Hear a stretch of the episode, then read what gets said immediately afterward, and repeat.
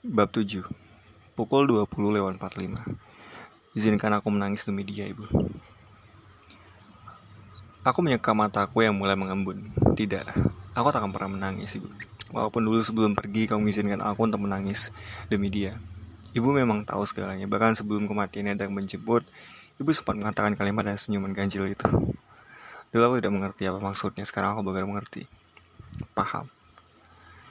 Berbagai kejadian menyakitkan siap menyebutku secara beruntun bulan-bulan berikutnya kejadian yang terkait dengan kembalinya Karata dalam kehidupan dia.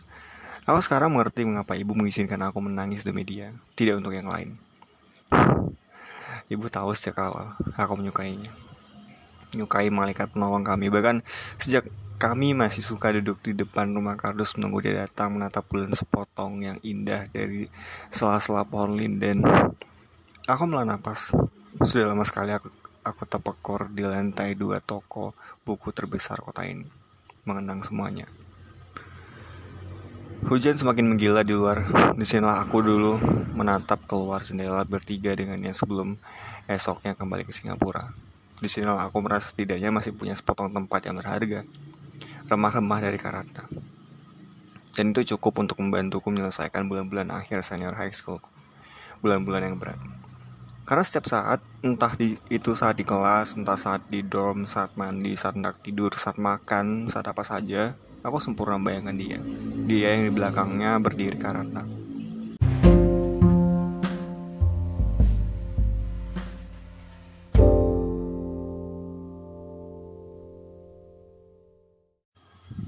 Pernahkah kalian menonton film yang jagoannya baru datang pada detik-detik terakhir?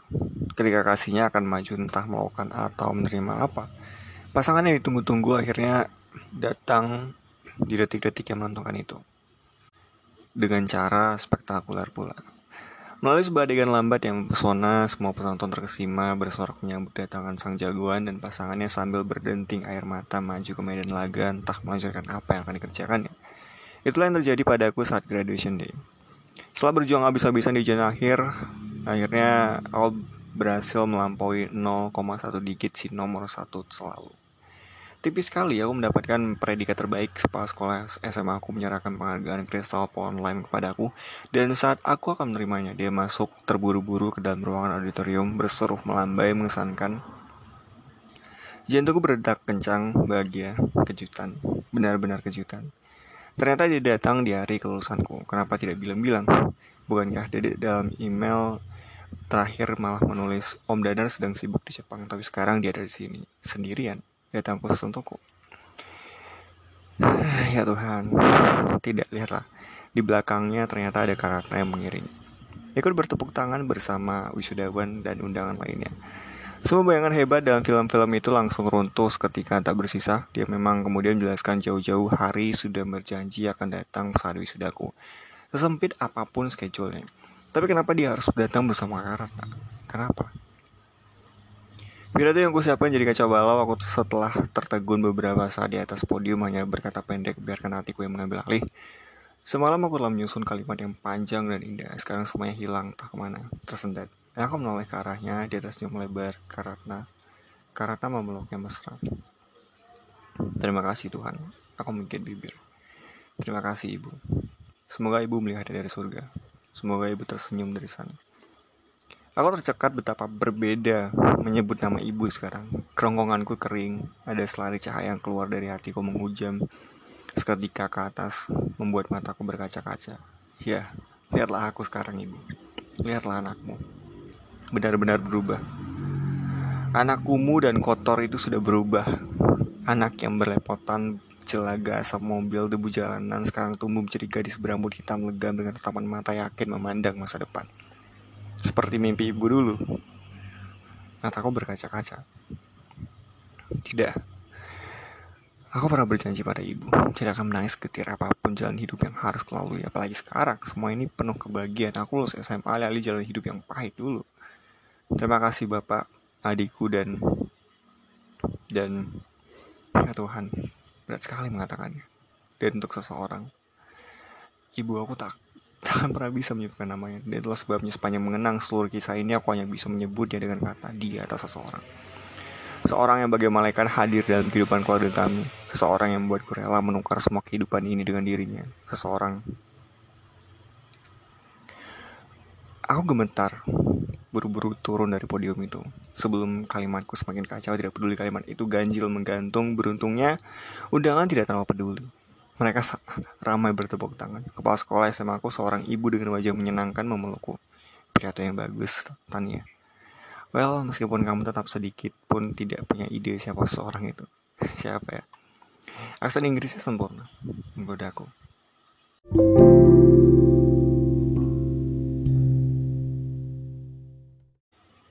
Ketika aku keluar dari ruang auditorium, dia menolak aku erat.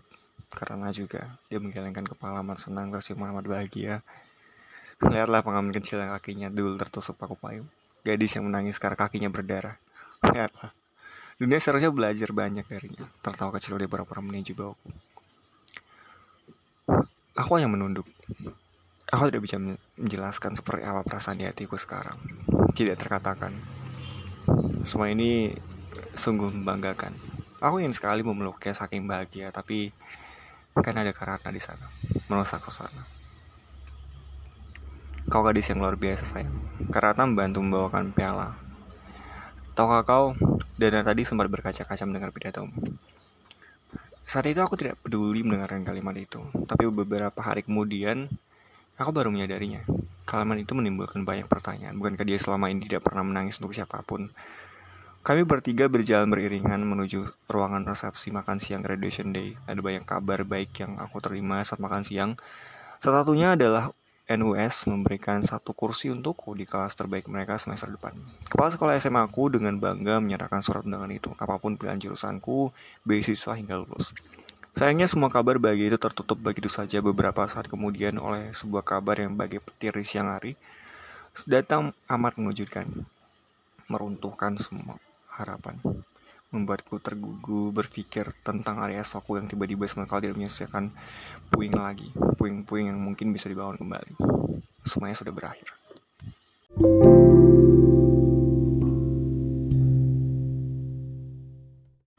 Saat makan malam di Chinatown, aku ingin membuktikan kata-kata Dede. Dia akan sering banget bohongin tantenya. Itu alasan karena kenapa kami makan di sana. Dia menyampaikan rencana hebat tersebut saat aku termenung sendiri menatap ekor barongsai kami akan menikah Tania. Dia tersenyum. Karena mesra memegang tangannya, ia tersenyum nyat, menatap bahagia. Aku tersedak, buru-buru mengambil gelas air putih di hadapanku. Kamu kaget Tania. Karena membantu menyerahkan tisu. Mukanya bercahaya oleh ketulusan dan persahabatan. Namun, aku entah kenapa benci sekali melihatnya. Aku buru-buru memperbaiki sikap. Urusannya bisa runyam kalau aku bertingkah seperti anak-anak. Mukaku memang teronjol merah Semuanya mengejutkan. Iya, Tanya kaget. Aku memasang ekspresi itu. Kamu juga kaget saat memutuskan itu, Tanya. Dia tertawa pelan, karena tersipu di sebelahnya. Kapan? Suaraku antara terdengar dan tidak. Dan dia baru bilang, oke okay, seminggu yang lalu, di rumah. Karena menjelaskan, bukan itu yang kutanyakan, sesuatu dalam hati. Bukan kapan yang itu.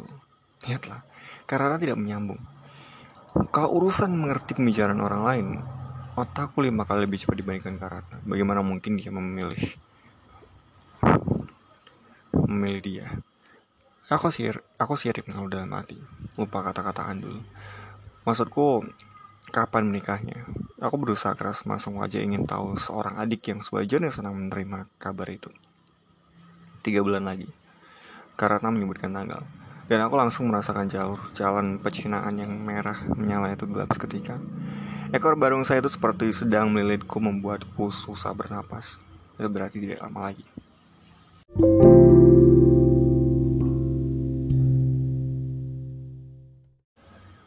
Aku memutuskan untuk tidak pulang saat liburan sebelum semester baru dia mulai di NUS. Aku hanya bilang, bukankah sebulan yang lalu sudah pulang?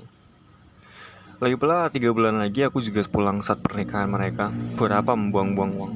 Jadi aku menghabiskan waktu bulan sebulan setengah di Singapura hanya dengan luntang lantung. Itu jauh lebih baik dibandingkan kalau aku harus pulang kan. Hanya membantu di rumah itu melihat segalanya menjadi saksi persiapan acara pernikahan mereka tiga bulan lagi.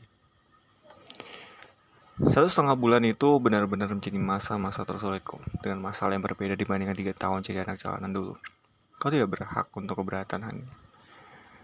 Kan menatapku perhatian, aku memutuskan berkunjung ke rumah An di Kuala Lumpur. Bukankah dia bukan siapa-siapamu? Mana ada malaikat yang bisa menuruti kemauan orang biasa? An nyengir mengatakan kata Angel itu. An sengaja mungkin-mungkin kata-kata dalam pidatoku dulu seseorang, malaikat kami. Aku juga sudah bilang berkali-kali kau terlalu baik berharap. Baginya kau tak lebih dari anak kecil yang bandel atau adik kecil yang pencemburu atau sejenis itulah. Aku cacap, aku cacap tertunduk, tertunduk. Tania, kan memegang lenganku. Tapi aku ingin tahu perasaannya. Boleh kan? Aku menjawab lemah, bersasar. Buat apa? Sudah jelas kan? Dia akan menikah dengan cewek artis itu. Apalagi yang kau tanyakan ke dia? Perasaannya sudah jelas, sejelas itu. Sejelas bintang di langit, Tania. Clear. Aduh. Kamu kenapa jadi kanak-kanakan seperti ini sih? Aku mengeluh. Setidaknya dia harus tahu apa perasaanku kan. Oh my goodness. Buat apa Tania? Kau yang merusak banyak hal, merusak hubungan kalian sebagai adik kakak, atau entahlah selama ini. Bisakah kau membayangkan apa yang akan terjadi kalau dia tahu apa perasaanmu? Satu, mungkin dia tidak mengacukanmu, tidak peduli. Dua, mungkin dia bisa menyikapinya dengan baik dan dewasa yang aku yakin inilah yang akan dia lakukan kalau melihat betapa coolnya dia saat mengatasi geng Maggie. Tiga, dia bisa jadi justru menjauh. Kau membuatnya takut. Kau adiknya sendiri membuatnya risih. Empat, dia jangan-jangan malah membencimu. Keberadaanmu bisa mengganggu hubungannya dengan cewek artis itu. Please, be rational, my friend. Mereka akan menikah, bukan baru jadian, bukan baru say I love you. Mereka akan menikah tiga bulan lagi. Aku mengeluh. Kan tidak membantu apa pun. Percuma aku jauh-jauh datang bertanya ke Kuala Lumpur. Tidak ada kemungkinan yang kelima? Aku bertanya lemah menatap kosongan. Kan tertawa. Maksudmu, dia tiba-tiba 180 derajat berubah pikiran. Membatalkan pernikahan lantas bilang, Oh Tania, aku juga cinta padamu. Come on. Itu hanya satu banding sepersejuta kemungkinan dan sayang itu tidak ada dalam kamus kehidupan seorang dewasa. Semarang dan sekeren dia. An menatapku putus. Tapi aku ingin dia tahu apa yang aku pikirkan, apa yang aku rasakan. Aku kan berhak menyampaikan semua perasaan ini. Kamu memang berhak, Tania. Tapi kau lupa dia juga berhak untuk tidak mendengar apa yang akan kau sampaikan. Dan bicara soal hak, kau juga berkewajiban membuat rencana pernikahan itu berjalan lancar sebagaimana mestinya. Bukan kacau balau oleh perasaan kagumanmu itu. Obsesi kekanak-kanakanmu. Lupakan Tania semuanya. Kan untuk pembicaraan aku tergugu.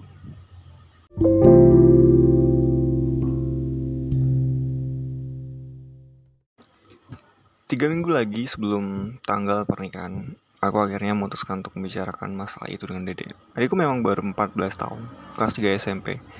Tapi dia sama sepertiku, jauh lebih matang, jauh lebih dewasa dibandingkan remaja seusianya meskipun tetap dengan gaya semaunya. Setidaknya adikku harus tahu apa yang sedang terjadi pada kakaknya. Untuk menurunkan tensi perbincangan, aku menggunakan bahasa Inggris saat chatting malam-malam itu. Tania, Dede, I have confession. Berikutnya diterjemahkan dalam bahasa Indonesia. Miami Heat. Hmm, apaan? Dosa besar apa? Tania, tapi kamu janji gak bakal tertawa, gak bakal bilang siapa-siapa. Termasuk waktu kamu suka ngomong sendirian, ngadu di makam ibu. Aku tahu kebiasaan itu dan membuka pembicaraan dengan menyebut makam ibu akan membuat adikku jauh lebih serius. Miami Heat. Iya, janji. Apaan? Tiga menit berlalu begitu saja tanganku terlalu gemetar untuk mengetak, mengetikkan pengakuan itu. Miami Heat. Apaan sih? Ngomong aja apa? Adikku mulai kesal menunggu aku mengolah napas. Tania. Kamu ingat kan waktu aku suka tanya-tanya tentang dia dan kamu banyak tertawa waktu itu? Mami, dia siapa? Tania.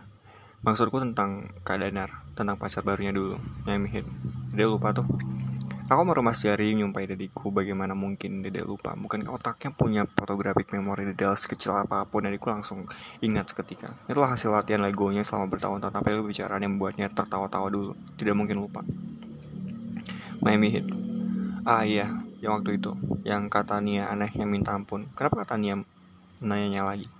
Jangan-jangan katanya Tania Kamu sudah janji I mean, sorry maaf ya Dede ingat Apa sih sebenarnya Tania Aku sebenarnya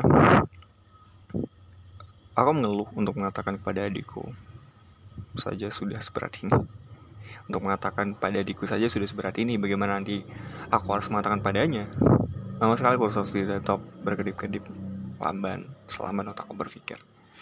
Miami Heat. Kalau katanya mau bilang katanya suka sama Om Danar, jadi sudah lama tahu. Ya Tuhan, kalimat itu. Dia mengambil alih permasalahan. Tania, bagaimana kamu tahu? Aku gugup mengetik. Miami Heat. Harusnya katanya ingat kalimat Don Corleone. Jangan remehkan tingkat intelektualitasku. Sorry bercanda, bukankah sudah jelas sekali? Semuanya terlihat kan? Tania, jelas apanya? Miami Heat. Jelas banget kakakku tercinta katanya yang selalu tersungut-sungut kalau ada Karatna. Katanya yang selalu pasang tampang sebal setiap kali ada Karatna. Karat katanya yang memandang Om Danar segitunya. Katanya yang menangis setiap diberi hadiah waktu di Bandara Canggih ingat makan malam di pecinan ingat Dede aja yang amatirin bisa lihat itu kok Aku menelan ludah, apakah seperti itu ya Tuhan? Kalau adikku saja mengerti semuanya itu berarti dia juga mengerti. Otakku dipenuhi berbagai rangkaian skenario, berbagai khawatiran dan satu khawatiran yang langsung menusuk hatiku seketika. Kalau begitu dia sebenarnya tahu persis apa gumpal perasaanku kepadanya. Miami Heat. Terus sekarang keadaannya mau nanya apa? Kursus itu berkedip lama. Oh ibu, sekarang aku mau bertanya apa kepada adikku. Aku Tadi hanya ingin mengaku bercerita. Dan adikku sudah tahu segalanya. Jangan-jangan dia juga sudah tahu segalanya. Tania. Aku nggak tahu apa yang harus kutanyakan sekarang. Hanya itu yang kutuliskan. Kami berdiam diri hampir 5 menit kursor itu hanya berkedip-kedip. Naomi hit. Dia juga nggak suka sama Tante Ratna. Menurut Dede, dia nggak cocok sama Om Danar. Karena nggak akan pernah suka sama anak-anak. Lihat, emang pernah karena datang di kelas mendongeng? Karena juga nggak suka berdiri di lantai dua toko buku. Itu kan ritual wajib Om Danar. Pembicaraan tersebut terhenti di situ adikku tiba-tiba sign out. Ternyata dia masuk kamar adikku saat itu. Aku tahu besok paginya saat dia bilang.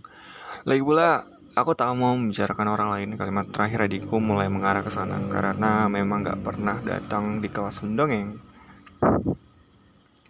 Sebelah hatiku menyemangati karena cuma suka dengan dia secara fisik bukan dengan kehidupannya harusnya kalau dia suka semua karena suka juga dengan kelas mendongeng sebelah hatiku itu semakin menyemangati untuk menjelek-jelekan Aku menarik bantal menutupnya di kepala, mengusir jauh-jauh pikiran itu berusaha tidur. Sekarang aku punya flat yang dekat dengan UNS, NWS, bersebelah dengan An.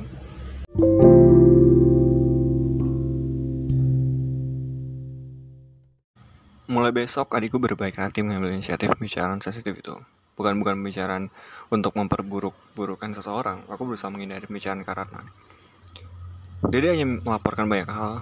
Sayang laporan itu semakin hari semakin menolak perasaan. Katanya kemarin Om Danar dan Tante Ratna pergi mengukur gaun. Hatiku seketika mengukur kepedihan.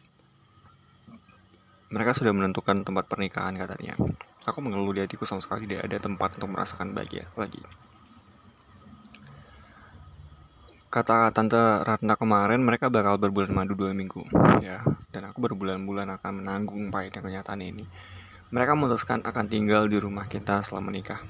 Ya Tuhan bagaimana caranya aku bisa bertahan hidup di rumah itu walau sehari saat pulang nanti melihat mereka berdua bermesraan? Anak-anak kelas mendongeng akan jadi peri pengantin jadi ruang resepsi akan dipenuhi anak-anak yang mengenakan gaun putih bersayap memegang tongkat. Ya Tuhan itu kan ide pernikahanku yang sering kubicarakan dengan Catering sudah dipesan, ada menu bebek packingnya kata karena itu spesial buat buat Dede. Kat, katanya jangan marah ke Dede. Dede sungguh tak ikut bicara saat mereka mendiskusikan menu itu. Aku tertunduk menatap layar laptop tapi menu spesial itu. Undangan sudah dibuat. Mereka foto prewed di rumah yang shoot Om Danar sendiri. Dede pura-pura sibuk di kamar saat mereka foto. Dede malas disuruh-suruh berfoto menggunakan berfoto menggunakan self framer kamera itu sama seperti kami dulu berfoto bersama di jalan depan toko buku Katanya, Tante Rana bertanya kapan katanya pulang. Kata Tante, katanya bisa pulang seminggu sebelum pernikahan. Biar bisa bantu-bantu. Tante Rana bilang, katanya yang harus jadi pengirim kantinnya. Aku menggigit bibir, menatap lamat-lamat keluar jendela kaca flat di luar hujan musim hujan di Singapura. Pengiring pengantin perempuan sama saja dengan menancapkan sembilu di hadapan banyak orang.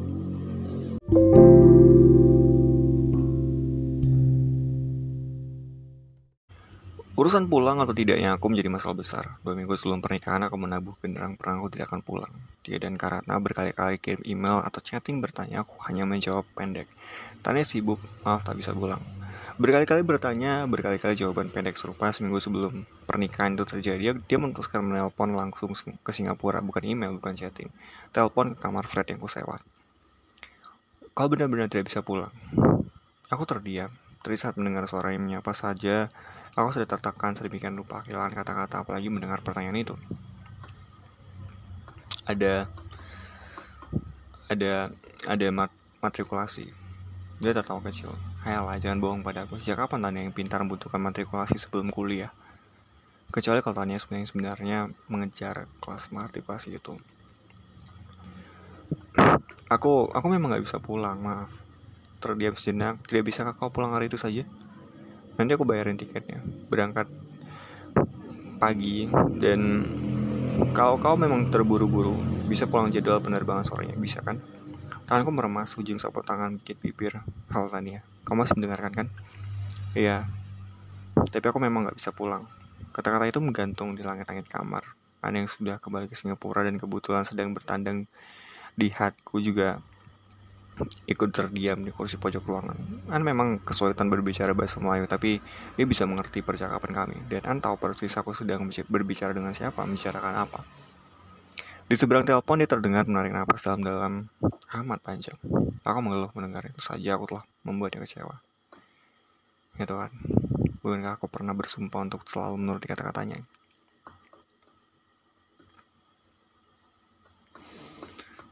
Tania, Datang tidaknya kau ke acara minggu depan jelas membuat perbedaan besar. Aku terdiam tertunduk dalam-dalam, teramat besar. Bahkan kau tidak akan bisa membayangkan apa yang bisa terjadi kalau kau tidak datang, Lania. Suara itu terdengar serak. Sayangnya aku sudah tidak mendengarkan lagi kalimat itu. Telingaku terlanjur kebas oleh hati yang buncah dengan perasaan kalah. Oh ibu, izinkanlah aku menangis. Aku sekarang ingin menangis demi dia. Izinkanlah aku menangis. Tapi kalau kau memang tidak bisa datang, terdiam dia menghela nafas. Sudahlah, kita kan masih punya waktu seminggu lagi, mungkin masih bisa berubah pikiran. Dia mengalihkan pembicaraan dengan lembut menanyakan kabarku, aku menjawab parau baik, menanyakan flightku, aku menjelaskan semakin parau baik, menyampaikan salam adikku dan Karatna, aku tak bisa menjawabnya lagi. Bukan benci mendengar nama Karatna, tapi suaraku sudah bergetar sedemikian rupa. Dia akan tahu aku menahan tangis. Saat telepon itu ditutup, aku langsung tertuduk di tempat tidur melengkungkan kepala di atas bantal menangis. Benar-benar menangis. Umurku 19, adikku 14 tahun, dia, juga, dan dia 33. Untuk pertama kalinya, aku menangis sejak 6 tahun silam. Sejak ibu meninggal, sejak 3 tahun kehidupan tersulit yang pernah aku alami. Sejak kakiku tertusuk paku payang dan dia mengikatnya dengan sapu tangan putih yang sekarang aku pegang. Sejak ibu meminta aku berjanji untuk tidak menangis sulit apa pun kehidupan yang aku jalani. Aku menangis demi dia dengan perasaan kalah.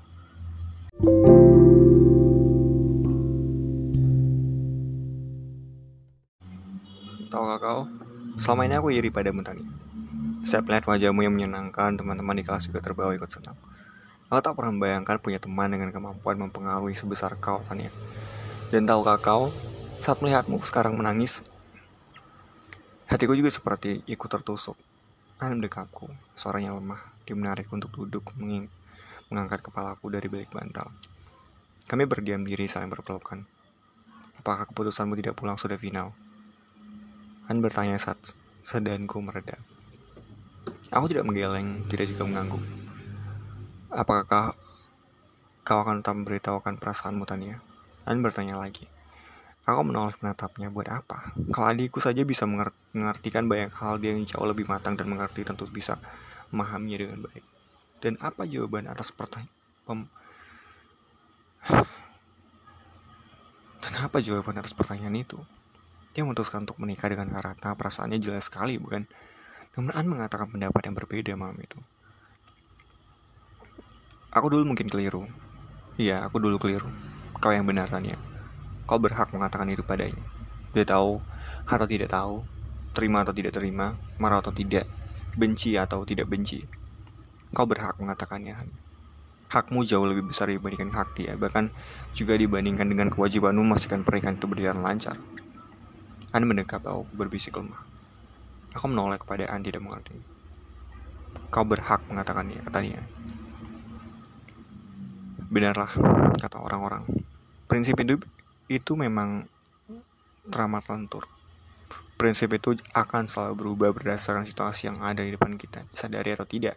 Dan An mengubah cara berpikirnya seketika saat melihat teman terbaiknya sedang sekarat oleh perasaan.